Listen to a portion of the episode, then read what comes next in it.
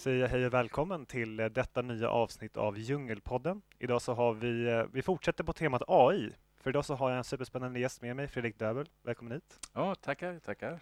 Eh, du är ju grundare för ett företag som heter Ablona. Ja, det stämmer. Jag och min kompanjon Karl Magnus Larsson, vi grundade Ablona 2003-2004. Och Ablona är ett företag som håller på med försäljning och förvärv av företag. Så att vi är konsulter som hjälper till om de vill sälja ett bolag eller om stora företag vill förvärva. Vi har nischat in oss mot eh, programvaruföretag och eh, eh, ja, mer kunskapsintensiva företag. Så att, eh, men då tänker man ju direkt, vad har det här med, med AI att göra? Ja, precis. Och, det är ju eh, ett ganska stort ämne vi har idag. Det är nämligen AI och demokrati. Mm, och det ja, passar ju bra nu när det, är, när det är valår. Valaffischerna börjar ju komma upp här snart. Ja, det är debatter. Det, precis. Så då blir man ju nyfiken på, hur kom du liksom in på det här spåret med, med, med AI till att börja med? Eh, ja, eh, jag gick D-linjen för länge sedan, jättelänge sedan på 80-talet i Linköping. Och då, då pratade man mycket om om artificiell intelligens. Det skulle vara lösa saker Men det blev aldrig, aldrig någonting då. Så sen har inte jag hållit på alls med det då. Men eh, för ja, vad är det, tio år sedan och sånt där, då började vi titta i Ablona på, kunde inte vi själva hitta ett sätt att när det kommer pressreleaser om företagsförvärv. Eh, det är ju massor med förvärv hela tiden, men vi är ju intresserade av en, en del av de förvärven som sker. Och då av en slump så började vi titta på olika verktyg så att vi byggde upp ett enkelt klassificeringssystem då som tittar på, vi gav exempel, de här typen av pressreleaser tycker vi är intressanta för oss. Och uh, sen kördes det där programmet under nog flera år där liksom. Så då valdes det ut vilka pressreleaser som vi var intresserade av. Så det, det var vissa nyckelord? Det kanske ja, typ, typ branscher? Och, ja, absolut. Det var ju så kul då för att normalt när man tänker programmering, då behöver du sätta upp ja, i princip en massa villkor för att leta de här nyckelorden. Då. Men eh, moderna sådana här verktyg för machine learning, som är den här delen av AI som vuxit så mycket, då ger man ju exempel. Ja, och då är det inte alls svårt för någon som bara är managementkonsult att sätta upp det här. Att, eh, och, och, det där gjorde då att vi, jag kom i kontakt med andra sorters verktyg än Excel och Powerpoint som man kanske kör mycket som, som managementkonsult. Då. Så att det, det kommer väl in i det området. Då.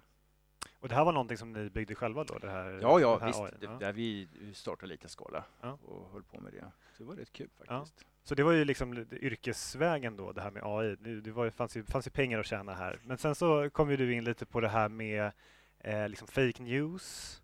Eh, mm, desinformation, mm. Liksom, hur, hur ramlar du in på det Ja spåret? visst, nej men eh, 2015 eh, så, så då började det med ubåtskränkningar 2014-15 och, och det blev som en helt annat säkerhetspolitiskt eh, klimat efter Rysslands invasion av Krim. Och är man då 60-talist som jag är, född uppe i Norrland, Västerbotten, då tänkte man nej, nu måste jag liksom göra min plikt för Sverige här. Så då gick jag med i hemvärnet och började intressera mig för de här säkerhetsfrågorna. Och då via någon författare som skrev en bok som heter Vilseledning där 2014-2015 så fick jag kontakt med en forskare på Utrikespolitiska institutet. En forskare som heter Martin Krag. Uh, uh, eh, eh, och då träffades vi och då hade Martin Krag och en doktorand skrivit en artikel som handlar om hur en rysk propagandasajt som heter Sputnik uh, specifikt bevakade Sverige. Och eh, när jag pratade med Martin Krogh, men hur, hur har ni jobbat nu då? Eh, vi åt lunch bara. Liksom. Nej, vi har suttit och, och, manuellt klippt och klistrat in i ett Excel-ark, eh, 5000 artiklar. Och sen liksom, man kan tänka sig att Excel-ark blir liksom en kolumn med text och så massa andra kolumner och sånt också. Och eh, så men det där känns ju inte riktigt tidsenligt. Så beskrev jag mer hur vi hade gjort på Ablona för att samla in pressreleaser och sånt. Och det tyckte Martin Krav var superintressant.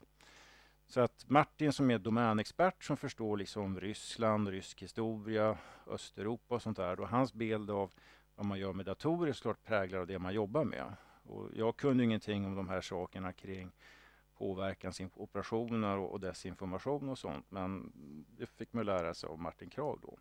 Och då tillsammans så gjorde vi en, en demonstrator. Det är ett fungerande system där vi på ett mer automatiserat sätt samlar in alla pressreleaser från olika delar av Sputnik. Sputnik har flera olika sajter.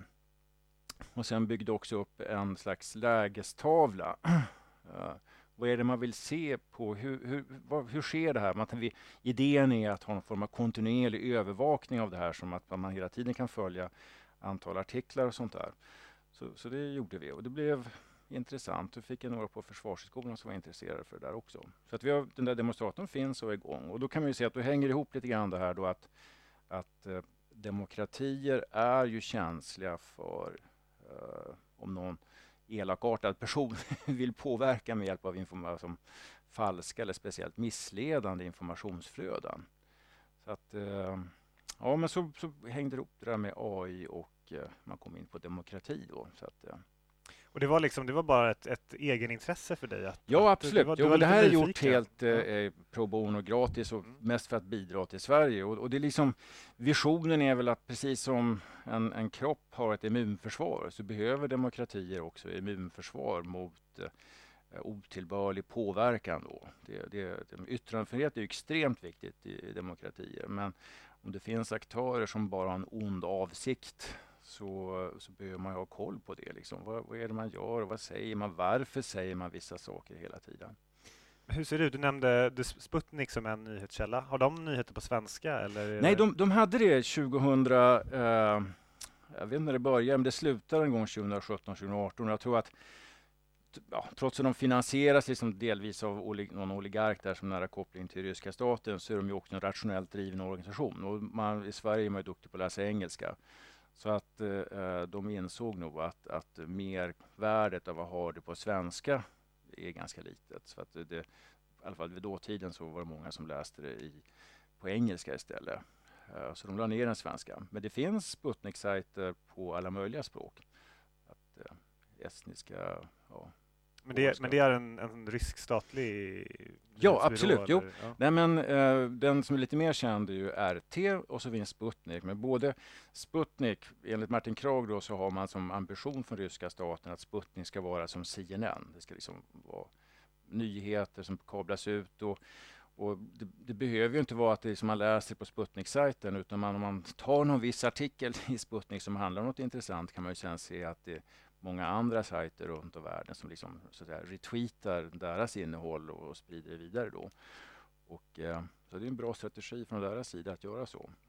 Men och ni, så det var ju en av de nyhets... Hittade ni några liksom fake news? Eller ja, det är det som är så ja. spännande då att när man ser att om man, om man gör det här med att man, man bygger upp en sån här lägestavla då med, med, med olika verktyg som finns inom det här med ja, AI eller känner igen koncept och textanalys och sånt då den, den, första idén vi hade det var att man tänkte sig, kan man se liksom variationer över tiden? Då kan man göra en tidsserie, variera eller inte. Eh, och det andra var att vi började experimentera med olika algoritmer att hitta då, uh, unika ord eller ordsaker. För att i, idén var, som vi hade det var att man behöver ha med en människa i loopen. Men istället för att ha en doktorand eller någon annan som sitter och manuellt läser det här så kanske systemet kan identifiera någonting som ser konstigt ut eh, och sen överlåta åt säga, människorna att titta på det här närmare. Då. Och ett intressant exempel som eh, där systemet liksom Titta, det trendar upp i Sverige, det är mer artiklar än vanligtvis och titta, vissa nyckelord som är helt nya. Det handlar om när det var någon nervgasattack i Syrien. Jag tror att det här är precis i samband med attentaten på Drottninggatan. Det var mycket uppmärksamhet i Sverige generellt. Då, då, då, finns det artiklar på Sputnik som handlar eh, om White Helmets. Det är den här räddningsstyrkan som fanns i Syrien. Och då i, i vårt system, då plötsligt ser man att ordet helmets lyser upp. Så att det, det, det är inte, men då börjar man titta på de artiklarna som handlar om White Helmets och då, då finns det artiklar där i, på Sputnik som kopplar ihop det här med någonting som ser ut som en svensk officiell ja, typ välgörenhets eller statlig organisation som, som bidrar på olika sätt och att den organisationen säger att ja, man kunde inte utesluta att eh, det här var faktiskt, det var inte makten i Syrien som hade gasat sina medborgare utan det var den här räddningsstyrkan själv som hade gjort det. Eh, och tonen är så att ja, man, kan inte, man kan inte utesluta det och annat. Så det är mycket det här å ena sidan och andra sidan. Mm. Och när man borrade vidare lite grann så ser man ju att, att personerna bakom den här sajten och sånt är ju inte alls representerade för svenska myndigheter eller någonting annat utan har mer ja, dubiös bakgrund och andra sådana här saker. Och det, det var ju ett sådant exempel där man kan se liksom att de här ganska enkla verktygen eh, hjälper faktiskt någon som analytiker då, som är som, som Martin Krag. Då. Och vi, vi valde ju att bara titta på som en kanal, Sputnik, och den engelskspråkiga och sen se hur, vad skriver man om, inte bara Sverige, för att Martin Krags bild är att Sverige i sig själva är inte jätteintressant, utan det är som Östersjöområdet. Så det här systemet, det känner av om någonting skrivs om nordiska länder, de baltiska länderna, Polen. Eh, vi uteslöt Tyskland eh, med de andra här. Så att, det, det, är det som är ett slags område som, som eh, enligt Martin Krag då Ryssland är intresserad av och försöker påverka då på olika sätt. Har ni sett, alltså är, är det den typen av kampanjer, eller man, tänker, man ja. pratar om de här trollfabrikerna, är det just att, ska, att så liksom ett en oro eller misstro? Ja, det är, eller är, precis, är det det precis. som är, är det Jo, men det är det som är hela tiden, det är någon slags utnötning då, där, där man vill att man till exempel i de här länderna då, till exempel Sverige, ska man tappa tron på institutioner. Man, man, man, kan, eh, man, är ju, man är ju helt ointresserad av sakfrågor, utan strategin som man har från de här, det är att hitta frågor som söndrar då. Och sen hela tiden stoppa in liksom saker då som får folk att ifrågasätta, alltså, eller ja, rena lögner kan det vara också om saker och ting. Det, det, det finns massor av exempel på. Ja, ett, ett, exempel kan vara så här också, det är att eh, eh, när man börjar rusta upp på Gotland igen här då för några år sedan, då skriver Sputnik om att när man tittar, svenska försvaret får inga övningsfält där, utan det är typiskt liksom det feminiserade, svaga Sverige, att miljöskäl på skjutfälten går före. Eh, vilket är helt fel. Nu är det ju fullt med skjutfält på Gotland igen. Men man vill hela tiden så den där bilden av att, att eh, eh, Sverige är svagt, man kan inte lita på myndigheter, man kan inte lita på institutioner eh, och sånt. Så att, eh, det, det, är den bilden man vill måla upp. Och, och det, det, som man vill lyckas med är ju att man blir, att tvivlar på att, vad, vad är det som är sant eller inte. då. Och det där är lite, det är ett lite tvåeggat svärd, därför att dels som du beskriver då, att, att så en misstro i Sverige, men det kan ju också eh, liksom för den här patriotiska känslan för sitt eget land, då, att, att alla, liksom, alla våra grannar är, är svaga och, och, vet inte riktigt vad de sysslar med, mm. medan vi har, har stenkoll på läget. Um, Ja, men så det är superintressant. Men, men eh, liksom, är, det, är det några fler trender? Du, du, du pratar om de här vita hjälmarna. Har ni lyckats identifiera fler? Såna ja, här, eh, precis, precis. Det var ju eh, något år senare eh, är det någon eh, på SVT Nyheter kablas ut nyheter om att eh, det här hemska med kvinnlig omskärelse, att det är fantastiskt, alltså en jättestor del av, av populationen från Afrikas horn, alltså kvinnor då, i Sverige drabbade av det här. Eh, och man hänvisar till någon forskare. Eh, och det här, där upptäckte då mitt system. Plötsligt liksom ett helt annat nyckelord då lyses upp i det här molnet. Och så börjar vi gräva i det och upptäckte men då, är det, då refererar Sputnik till en artikel på eh, SVT eh, Nyheter. Det var också på Rapport Aktuellt och annat sånt här. Och det här tänkte jag, det var ju obehagligt. Är det verkligen så här? Då, då kan man som analytiker börja titta, men kan det här stämma? Men siffrorna på hur många det var som skulle vara drabbade av det här i Sverige stämde inte, för det skulle liksom det var liksom, jag kommer inte ihåg rätt, men det var liksom fler än antalet personer som har invandrat från Afrikas horn. Och eh, då, då, tog jag kontakt med, med eh, journalisten och sen ansvarig utgivare på SVT Nyheter. Frågade mig vad är källan till det här? Man hänvisar till någon forskare som, som det inte gick att hitta via Google eller något annat sånt här. Och det visar sig att det här, det, då, då tror man ju när man utifrån de här som tittar på det här med sig att det här är ju som en nyhet som man på något sätt det är stressigt att vara journalist. Du är inte säker att du hinner kolla allting. Och eh, att man då liksom fått det här planterat. För det, det, sammanhanget som det här sattes in i, det var ju att det här är en belastning på svensk vårdapparat som liksom tar bort vård från riktiga svenskar. Det stod inte alls i SVT Nyheter, men när man läser Sputnik-artikeln, då refererar de till SVT och så lägger de på sin egen kontext kring det där. Titta, ytterligare ett misslyckande för Sverige då. Och det, det visade när man grävde mer där. Det finns några länder i världen som har superkoll precis på det här med kvinnlig omskärelse. Och det är Holland, Sverige och några andra ting. Så det, det man har, det, det var typiskt så här snedvridning, ifrågasättande av att man inte visste om att det här fanns och överdrev antalet och allting annat. Och då har man förmodligen på något sätt fått in den här nyheten på SVT, statliga televisionen och sen plockar Sputnik upp det här och kablar ut över hela världen då. Så att, eh, det roliga var att SVT, efter vi påpekade det, så ändrade de artikeln. Så, ja, men så till och med SVT, de...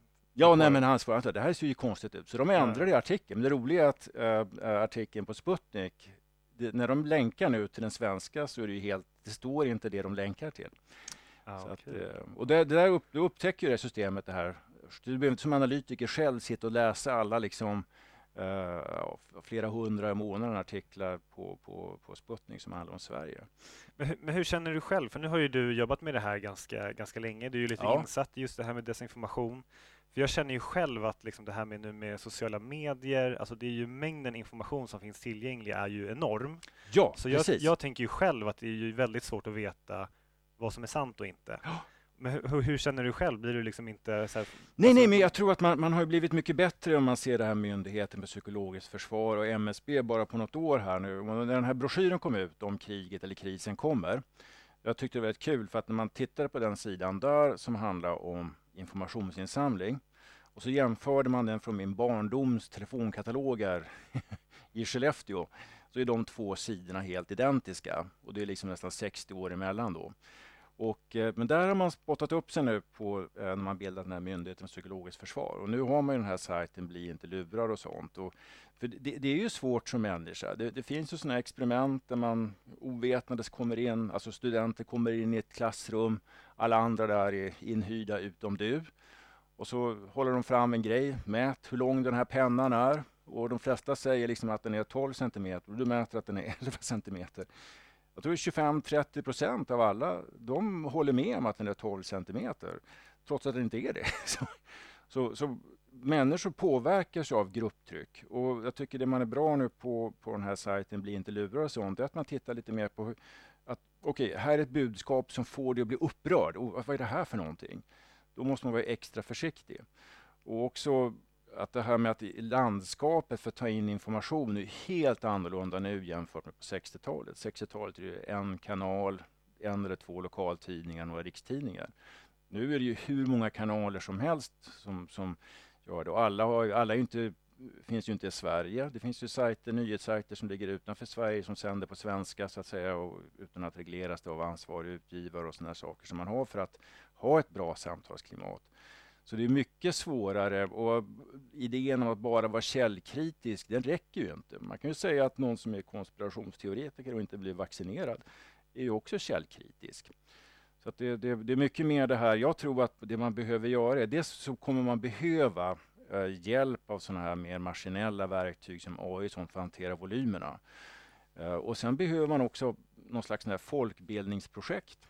Att alla blir mer medvetna om hur, hur, vad är det för information som jag tittar på och, och får någon slags bild av normalläget kring det? För om det blir en krissituation, då kanske inte man, man måste ha en känsla för vad händer då? Har alla testat och lyssnat på P4 som ska vara liksom eh, den officiella nödkanalen då med, med att få ut information i Sverige? Och de här enorma volymerna, man ser ju de här sociala plattformsföretagen, Facebook och ursäkta, Youtube, de har ju stora, de satsar enormt på att försöka få upp det här med att detektera det som kallas för fake news och annat. Uh, och Youtube har provat att använda sådana här verktyg för machine learning, artificiell intelligens, men de har också en mix av människor och verktyg då. Så att det, det, det är ett svårt problem och jag tror att när man som zoomar ut och gör det på global nivå, då blir det ju jättesvårt. Du har ju hur mycket som helst att eh, kulturer och sätt att prata om. Så och sen finns det ju ett demokratiproblem om det är de här företagen och det, det är ju inte alls transparent hur äh, äh, det här funkar då. Jag måste bara dricka lite vatten. Ja, men för, det, för det jag tänker är, för det som du pratade om innan det här med att, att äh, det här, alltså skapa en, en misstro eller oro, för det har jag ändå märkt av just att, att informationsflödet är så enormt. Så, så blir det den här, jag tänker i alla fall så själv, att så här, vad är det jag ska tro på? Därför att här ser jag en mm. artikel mm. som är vinklad på det här sättet och en artikel som är vinklad på det här sättet på, på samma ämne. Det blir ju bara, bara det gör ju mig lite liksom, vad är det som är sant och inte? Ja, nej, det, jag tror det, man, det, finns ju lite inbyggt. Helt rätt i Så att, så att man, om man utifrån behöver de här verktyg som detekterar mönster och avvikelser på någon slags nationell nivå, det kommer man att behöva. Och det här är ju inte för att använda det här som i, i auktoritära länder, Iran, Kina och sånt där, att liksom hitta någon som säger något fel. Utan jag tror man ska se det mer som en form av ja, SMHI eller väderleksprognos. Att just nu pratar väldigt många om det här ämnet. Eh, tänk på att det här är också något som utländska makt kan vara intresserade av till exempel. Och, eh, länder som är mer utsatta för det här, de baltiska länderna, i eh, Litauen så har man ett sådant projekt där man liksom samarbetar på nationell nivå med, olika nyhetssajter och en ideell förening som hela tiden övervakar eller inte monitorera kanske ett bättre ord, eh, information och sånt. Och någon gång då och då i veckan liksom pratar om nu de här temana och sånt.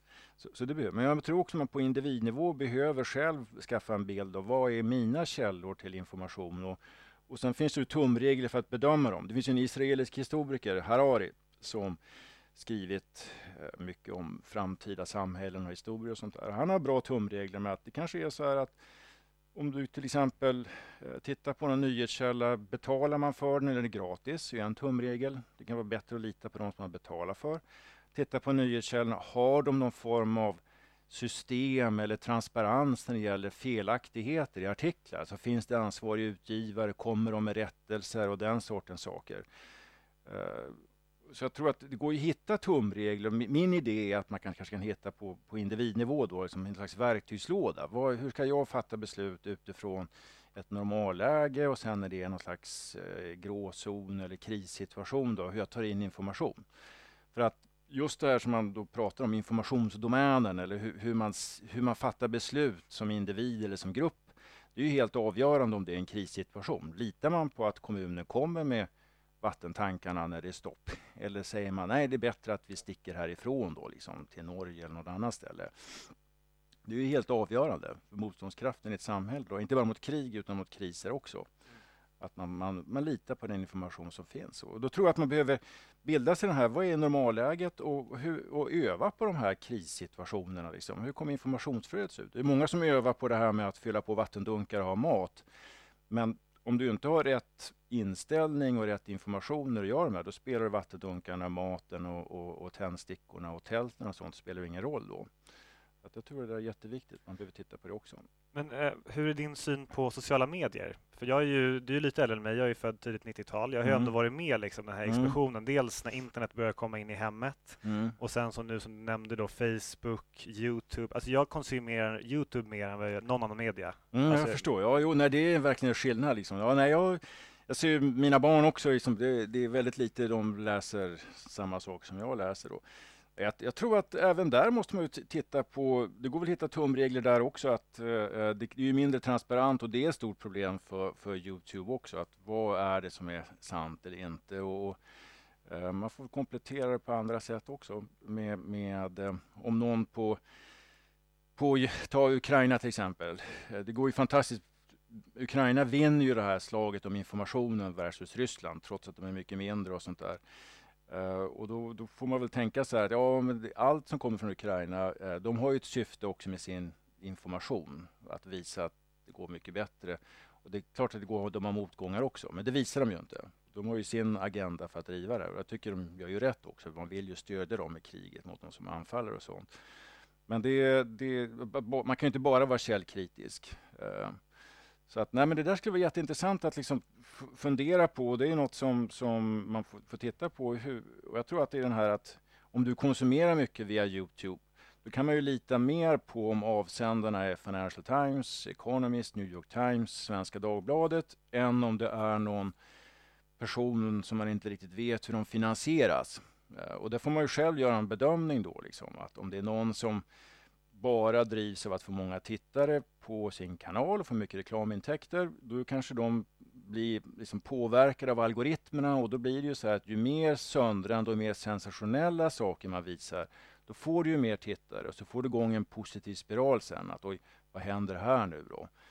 Men det är så här, hela världen följer rättegången med Johnny Depp och hans exfru. Liksom. Det är ju helt... Ja, det, det är oproportionerligt, men det har förmodligen blivit så mycket så här positiva feedbackloopar. Alla börjar följa, så tycker alla att det är kul. Och så är det några som blir, tjänar jättemycket pengar då för att de får bra klipp på Youtube kring det där. Men det är inte säkert att de är mer sanningsenliga än, än eh, och ger en rättvis bild av rättegången där då. Jag har ingen uppfattning om rätt eller fel där. Men jag tror att en stor nyhetssajt eller tidning skulle ge en bättre bild av vad som händer än de som bara drivs av, av momentant reklamintäkter på sin Youtube-kanal. Men hur skulle du säga, för det, min upplevelse i alla fall, jag har, nu har inte jag varit eh, liksom samhällsengagerad lika länge som du, men jag tänker i alla fall de senaste 10-15 åren som man ändå har läst tidningar och nyheterna och varit med i debatterna. Det känns som att det är mer polariserat nu än någonsin.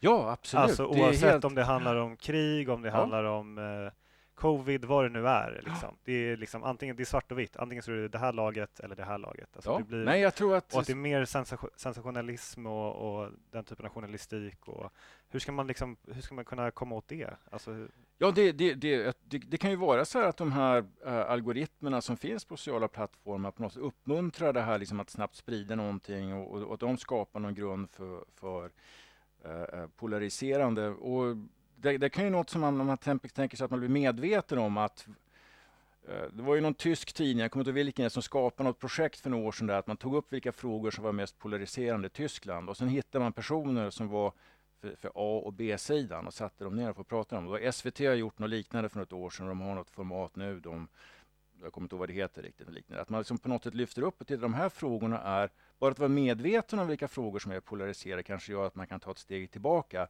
och själv då försöka bilda mig, vad är en, en, en uppfattning, vad, vad är egentligen fakta och, och vad är det som är mer evidensbaserat? Så att eh, det, det, det, det menar, äh, Åsa Wikfors som är professor på Stockholms universitet i filosofi och skriver en bok som heter Alternativa fakta. Och den boken är skriven utifrån det här liksom att man började prata om alternativ och det är ett bisarrt begrepp. Men, men, och det, det där är jättesvårt när man liksom är ingenjör som jag är Eh, och, och född i början på 60-talet. Liksom, hur kan man ifrågasätta det där? Så det, det, är verkligen svårt att förstå de här sakerna. Och då får man, jag tror man, man måste hitta någon slags respekt för alla. Och, och jag har släktingar som som har olika uppfattningar om konspirationsteorier och sånt där också. Och jag kanske historiskt har varit väldigt konfrontativ då och tyckt att nu är du helt knäpp liksom. Men jag tror att man måste hitta ett sätt att överbrygga och ha vettiga samtal även med de som man tycker har helt knäppa uppfattningar liksom. Mm. Och så kan det inte stämma liksom sånt. Nej, och, och diskursen har ju eh, försämrats lite av sociala medier ändå. Alltså det är ja, väldigt, eh, absolut. Det är, och det är mycket det här att läsa rubriker, Ja. Eh, och det är mycket, mycket eldas på. Och det här är en ganska komplex fråga, kanske svår för dig att svara på. Men skulle du, alltså just med det här sociala medier, bara nyfiken på att höra. Ser du, är det netto positivt eller netto negativt? För det positiva är ju att informationsflödet är enormt, om vi tar kriget i Ukraina igen. Ja, ja, ja. Alltså att liksom, det är ju liksom ett ja. livesänt krig i princip. Och även om det är mycket hemskheter så är det ändå bra att det syns. Ja. Och att man kan twittra ut information om vad som händer och vad man ska evakuera och sådär. Men sen så har vi den här jättefula sidan också då med desinformation, polarisering. Mm. Hur, ser, hur ser du på sociala Ja, nej, det är en jätteintressant fråga, det, framförallt på Facebook. Eh, jag tror att det, det skrevs några böcker om Facebook där för 10-12 år sedan. Eh, när någon, den som var mer seriös, som skrev en New York Times-artikel, eller journalist, den handlade mer om de positiva effekterna och hade Colombia som exempel. Liksom att till, någon person på, ligger på stranden och, och nej, det kan inte fortsätta vara så här nästan alltså, inbördeskrig mellan FARC och regeringen. Och då får de igång väldigt mycket demonstrationer liksom, i Colombia som gör att man tvingar fram det fredsavtalet. Då var ju mycket, och sen arabiska våren då, Twitter och Facebook hjälper till där. Då, då var ju väldigt mycket, ja det här är positivt, titta det blir... Men det går ju väldigt fort från den punkten till att man då, om man tar som exempel amerikanska valet 2016 där rysk underrättelsetjänst förstår också att eh, det är inte dyrt att annonsera på Facebook och du får ju väldigt mycket hjälp från Facebook själv med manualer, eh, coacher som ringer upp dig trots en jättelåg annonsbudget. Så, så du, du, och när de, när de fattar, man kan då hitta liksom när det är jämnt mellan olika frågor och få ut annonser åt olika håll och sprida olika budskap och sånt här. Så har ju uppfattningen om Facebook då för tio år sedan kanske var positivt, så har varit mer negativt. Jag det är ju mer, tycker jag, teknik är positivt, så jag tror att det på ett sätt är det ju inte fel att du har ett system där hela världen på något sätt kan liksom, prata med varandra och utbyta information och hitta igen kontakter från barndomen och sånt här också.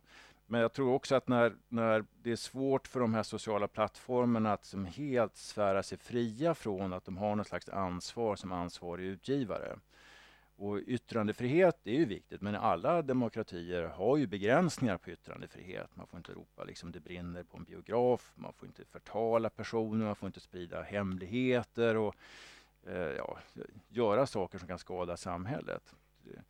Så att eh, de, när de är plattformar där det är väldigt lätt, så marginalkostnaden att, att få ut någonting är väldigt låg, då har de ju ett ansvar också. Och jag tror ansvaret kan ju vara det här med transparens. Att man på något sätt kan visa hur drivs de här algoritmerna och vad gör man för att liksom, tagga upp någonting som tveksamt eller diskutabelt och sådana här saker. Så det tror jag är jätteviktigt att, att man alltså, hittar sätt att interagera med, med, med demokratiska stater också. För det är, det är en, det är vi har haft tryckt media i ett par hundra år. Om man tänker mm. sociala medier, det kanske är 10-15. Facebook är ja. väl också i den vevan. Så det här är ju egentligen det är något helt nytt vi står inför. Ja, alltså, så ja verkligen, det, det, är en jätteutmaning. Och, och, och, man tänker också lite när du pratar om det här med Facebook, men det är också lite det här, vem, vem vaktar väktarna liksom? Ja, alltså nej, men det att, men jag, jag, tror att det, det, det, har ju det med att det finns ju verktyg inom det här då man, när man nu, nu pratar om AI jämfört med vad man gjorde för 40 år sedan som hjälper dig att behandla enorma mängder information och hitta mönster i det.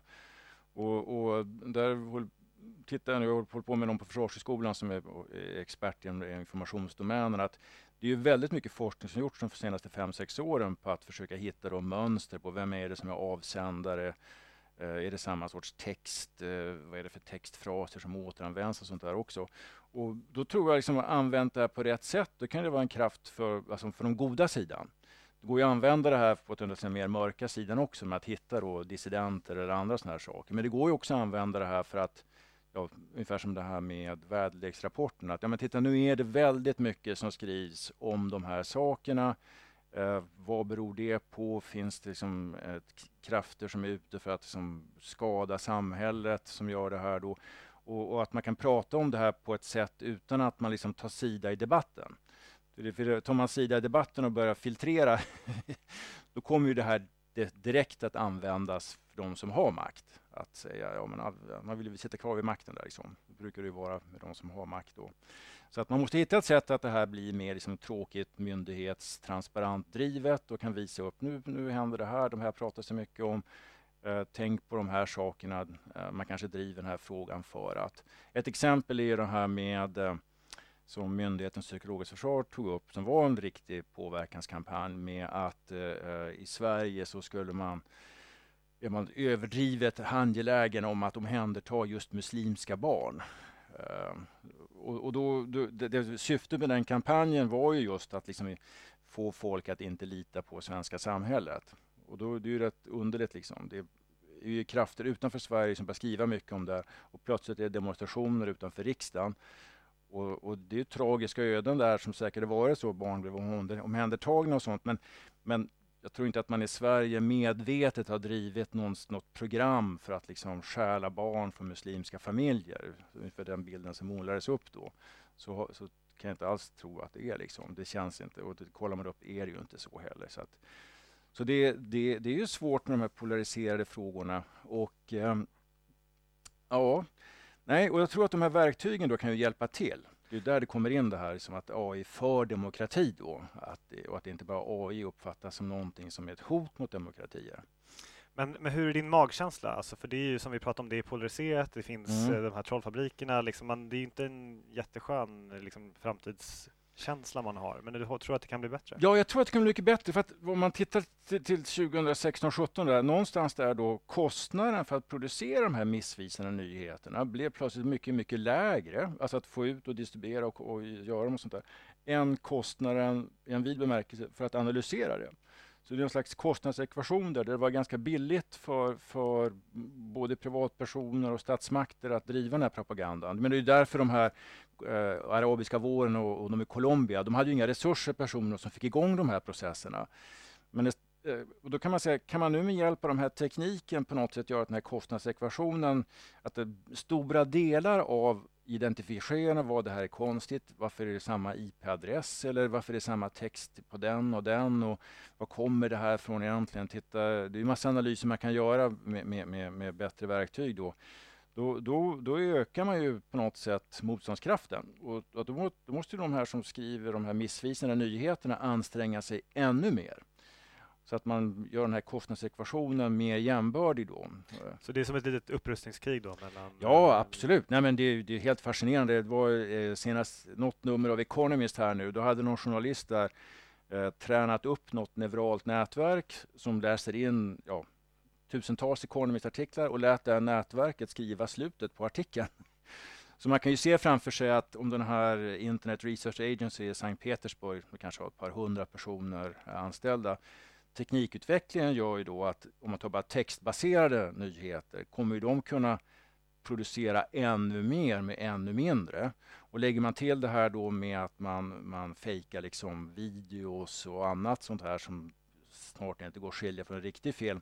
Då, då på något sätt den sidan som vill skada sam, äh, som demokratier har ju redan verktyg för det. Och då måste man börja hitta någonting som som gör också automatiskt det här med att man, det finns ju uppmaningar för att är den här bilden fake och så ska man göra massa saker. Men om, om man ska göra det per bild, per video som finns, då har man ju inte en chans som en slags samhällsimmunförsvar då. Utan där behöver man ju hitta någonting som på ett transparent sätt också säger att nej, men de här sakerna är ju eh, uppenbarligen, eller med hög sannolikhet, är det inte stämmande med verkligheten. Så att, eh, nej, så att jag tror att på sikt får man vara positiv. Demokratier har ju klarat sig genom eh, eh, jobbigare saker med liksom andra världskriget, kalla kriget och såna här saker. Och jag tror liksom att man, man har ju ett sätt i, i Sverige och västvärlden och länder som är mer lagstyrda och, och öppet klimat och, och, debatt och sånt där har man ju ett sätt att hantera väldigt komplexa problem som det här är då. Det är mycket, man måste ha yttrandefrihet å ena sidan men man vill inte ha det här med att eh, effekten av att det brinner på en konsertlokal eller en biograf så folk trampas ihjäl när alla ska ta sig ut därifrån. Då. Som det här med missledande är ju mer åt det hållet. Så att det, det är inte att man har olika uppfattningar om, om frågor som invandring, eh, vindkraftverk eller vaccination och sånt där. Utan det, det ska man ju ha. Men man ska inte ha, göra saker som liksom skadar samhället. Nu pratade vi om att det är ju analkas val här snart. Mm. Har ni sett någonting eh, misstänksamt? Någon nej, nej, jag, jag tror att, nej, att det, det är jättebra fråga. Uh, Sputnik just nu kan man ju inte läsa som vanlig webbsajt. Det är avstängt från, från EUs sida, men man kan ju läsa det på andra sätt då. Så att jag har inte riktigt följt precis det där. Då. Men jag vet att man, man tar ju det här utifrån de som är experter på det här som jobbar på FOI och myndighetspsykologer så tar man det på jättestort allvar. Och, och man liksom bullar upp resurser och nyckelpersoner och annat sånt som, som kommer att titta på det här. Eh, jag är ju inte alls operativt på något sätt involverad i det där då, utan, utan men man, man, man ser ändå att personer liksom är verksamma, man tar det på stort allvar. Den här myndigheten psykologiskt försvar har ju liksom byggts upp jättesnabbt då där eh, som en slags avknoppning från MSB och sånt också. Och, och, det här kommer ju vara ett jätteviktigt tema då. Och det kommer säkert användas också i politiska debatter. Liksom, att, att man, man sätter rubriken, men det där är ju fake news liksom. Man kan inte lita på någonting och sånt där. Om det är någon väldigt, liksom, person som tycker att det är på det sättet då. Men det gäller väl att alla, det är viktigt i en demokrati då, att alla var och en får ta sitt ansvar då. Och, och jag tycker att om, om, om politiker för mycket säger att det som skrivs är falskt, då måste man ju på något sätt kunna alltså fråga dem, vad, vad grundar du det på? Liksom? Vad, vad, har du fler källor och alternativa saker som, som beskriver på något annat sätt? Och, och att man, man ställer de som bara sätter rubriken fake news mer till svars. Liksom. Vad menar du med det? Liksom, då? Vad, vad, och inte, inte bara ha någon slags negation. Att, men vad är det som är riktigt då och vad grundar du det på? Det är ju om man ska funka med demokratier så måste man ha rätt information. Liksom. Eh, annars så, så går det ju inte. Om, om någon lurar hela befolkningen på att vi ska göra det här. Man säger en sak i valrörelsen och så gör man något helt diametralt motsatt sen. Då, liksom. då går det ju inte med, med, med demokratier. Då tappar man ju förtroende för politiker. Så jag tror för, för, för valet som kommer nu så kan man se att jag tror att man i Sverige förstår att det är en jätteviktig fråga. Eh, sen vet inte jag precis hur man ska hantera det här. Det man kan se från Myndigheten psykologiskt försvar är just den här liksom, bli inte lurad-sajten som är ja, mycket bättre än bara det här som fanns i den här om kriget eller krisen kommer. De pratar mer om känslor och tittar på de nya.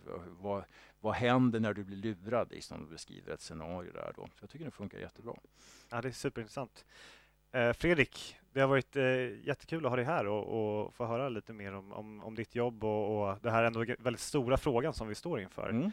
Eh, har du något sista tips? Jag tänker om lyssnarna, om de vill eh, du nämnde någon bok där innan eller finns det någon? Ja, det finns ju eh, eh många, eh, eh, att, eh, många böcker. Och, men dels tycker jag, om man tar ut från Sverige så finns det Åsa Wikfors på Alternativa fakta och Varför demokrati. De, de är bra och de är skrivna på svenska. Och Sen tycker jag också att äh, Myndigheten för psykologiskt försvar, där ska man gå in och titta. Där finns ju beskrivet de här sakerna. Och de bör ju funka, fungera som en slags SMHI just för att när utländsk utländska intressen vill påverka Sverige. Och, eh, sen tror jag att man, man, man får på något sätt själv också jobba med att precis som man tränar kroppen eller någonting annat eh, så får man själv också träna knoppen då liksom med att eh, fundera hur ser mitt nyhetsflöde ut? Eh, och eh, den här floskeln om källkritiskt, den funkar ju inte riktigt, men har någon slags idé om vad, vad, vad, är det för slags nyhetssajter, radiokanaler, tidningar, nyhetsprogram, Youtube som jag tittar på? Och sen liksom när, man, när det är lugn och ro, när det inte är kris, sätta sig ner och fundera över de här. Vilka kommer jag lita på om det blir kris och varför då? Så att när det blir krisigt, då är man ju mer stressad, en stresskon som man kan prata om. Och då kanske man, liksom, om man då i förväg har plastat in ett papper där det står att jag litar mer på den här än den där, då kanske man liksom, ja, ja, tittar på den eh, kanalen eller den sajten. Då. Så bara bli lite medveten och, och, liksom, ja, och för, tänka lite större? Ja, och, precis. Och också det här mentalt förbereda sig för att om du är i en kris och du ska lita på information, då kanske du ska bestämma dig för att jag struntar i alla de här som är kul att titta på och jag bara tar de här då. Det, det kan, man, det kan alla göra. Det, det är så. Ja, men super. Återigen, Fredrik, jättestort ja. tack. Eh, tack och själv. Eh, stort tack till er som har lyssnat. Så eh, får ni ha det bra så hörs vi i nästa avsnitt. Mm.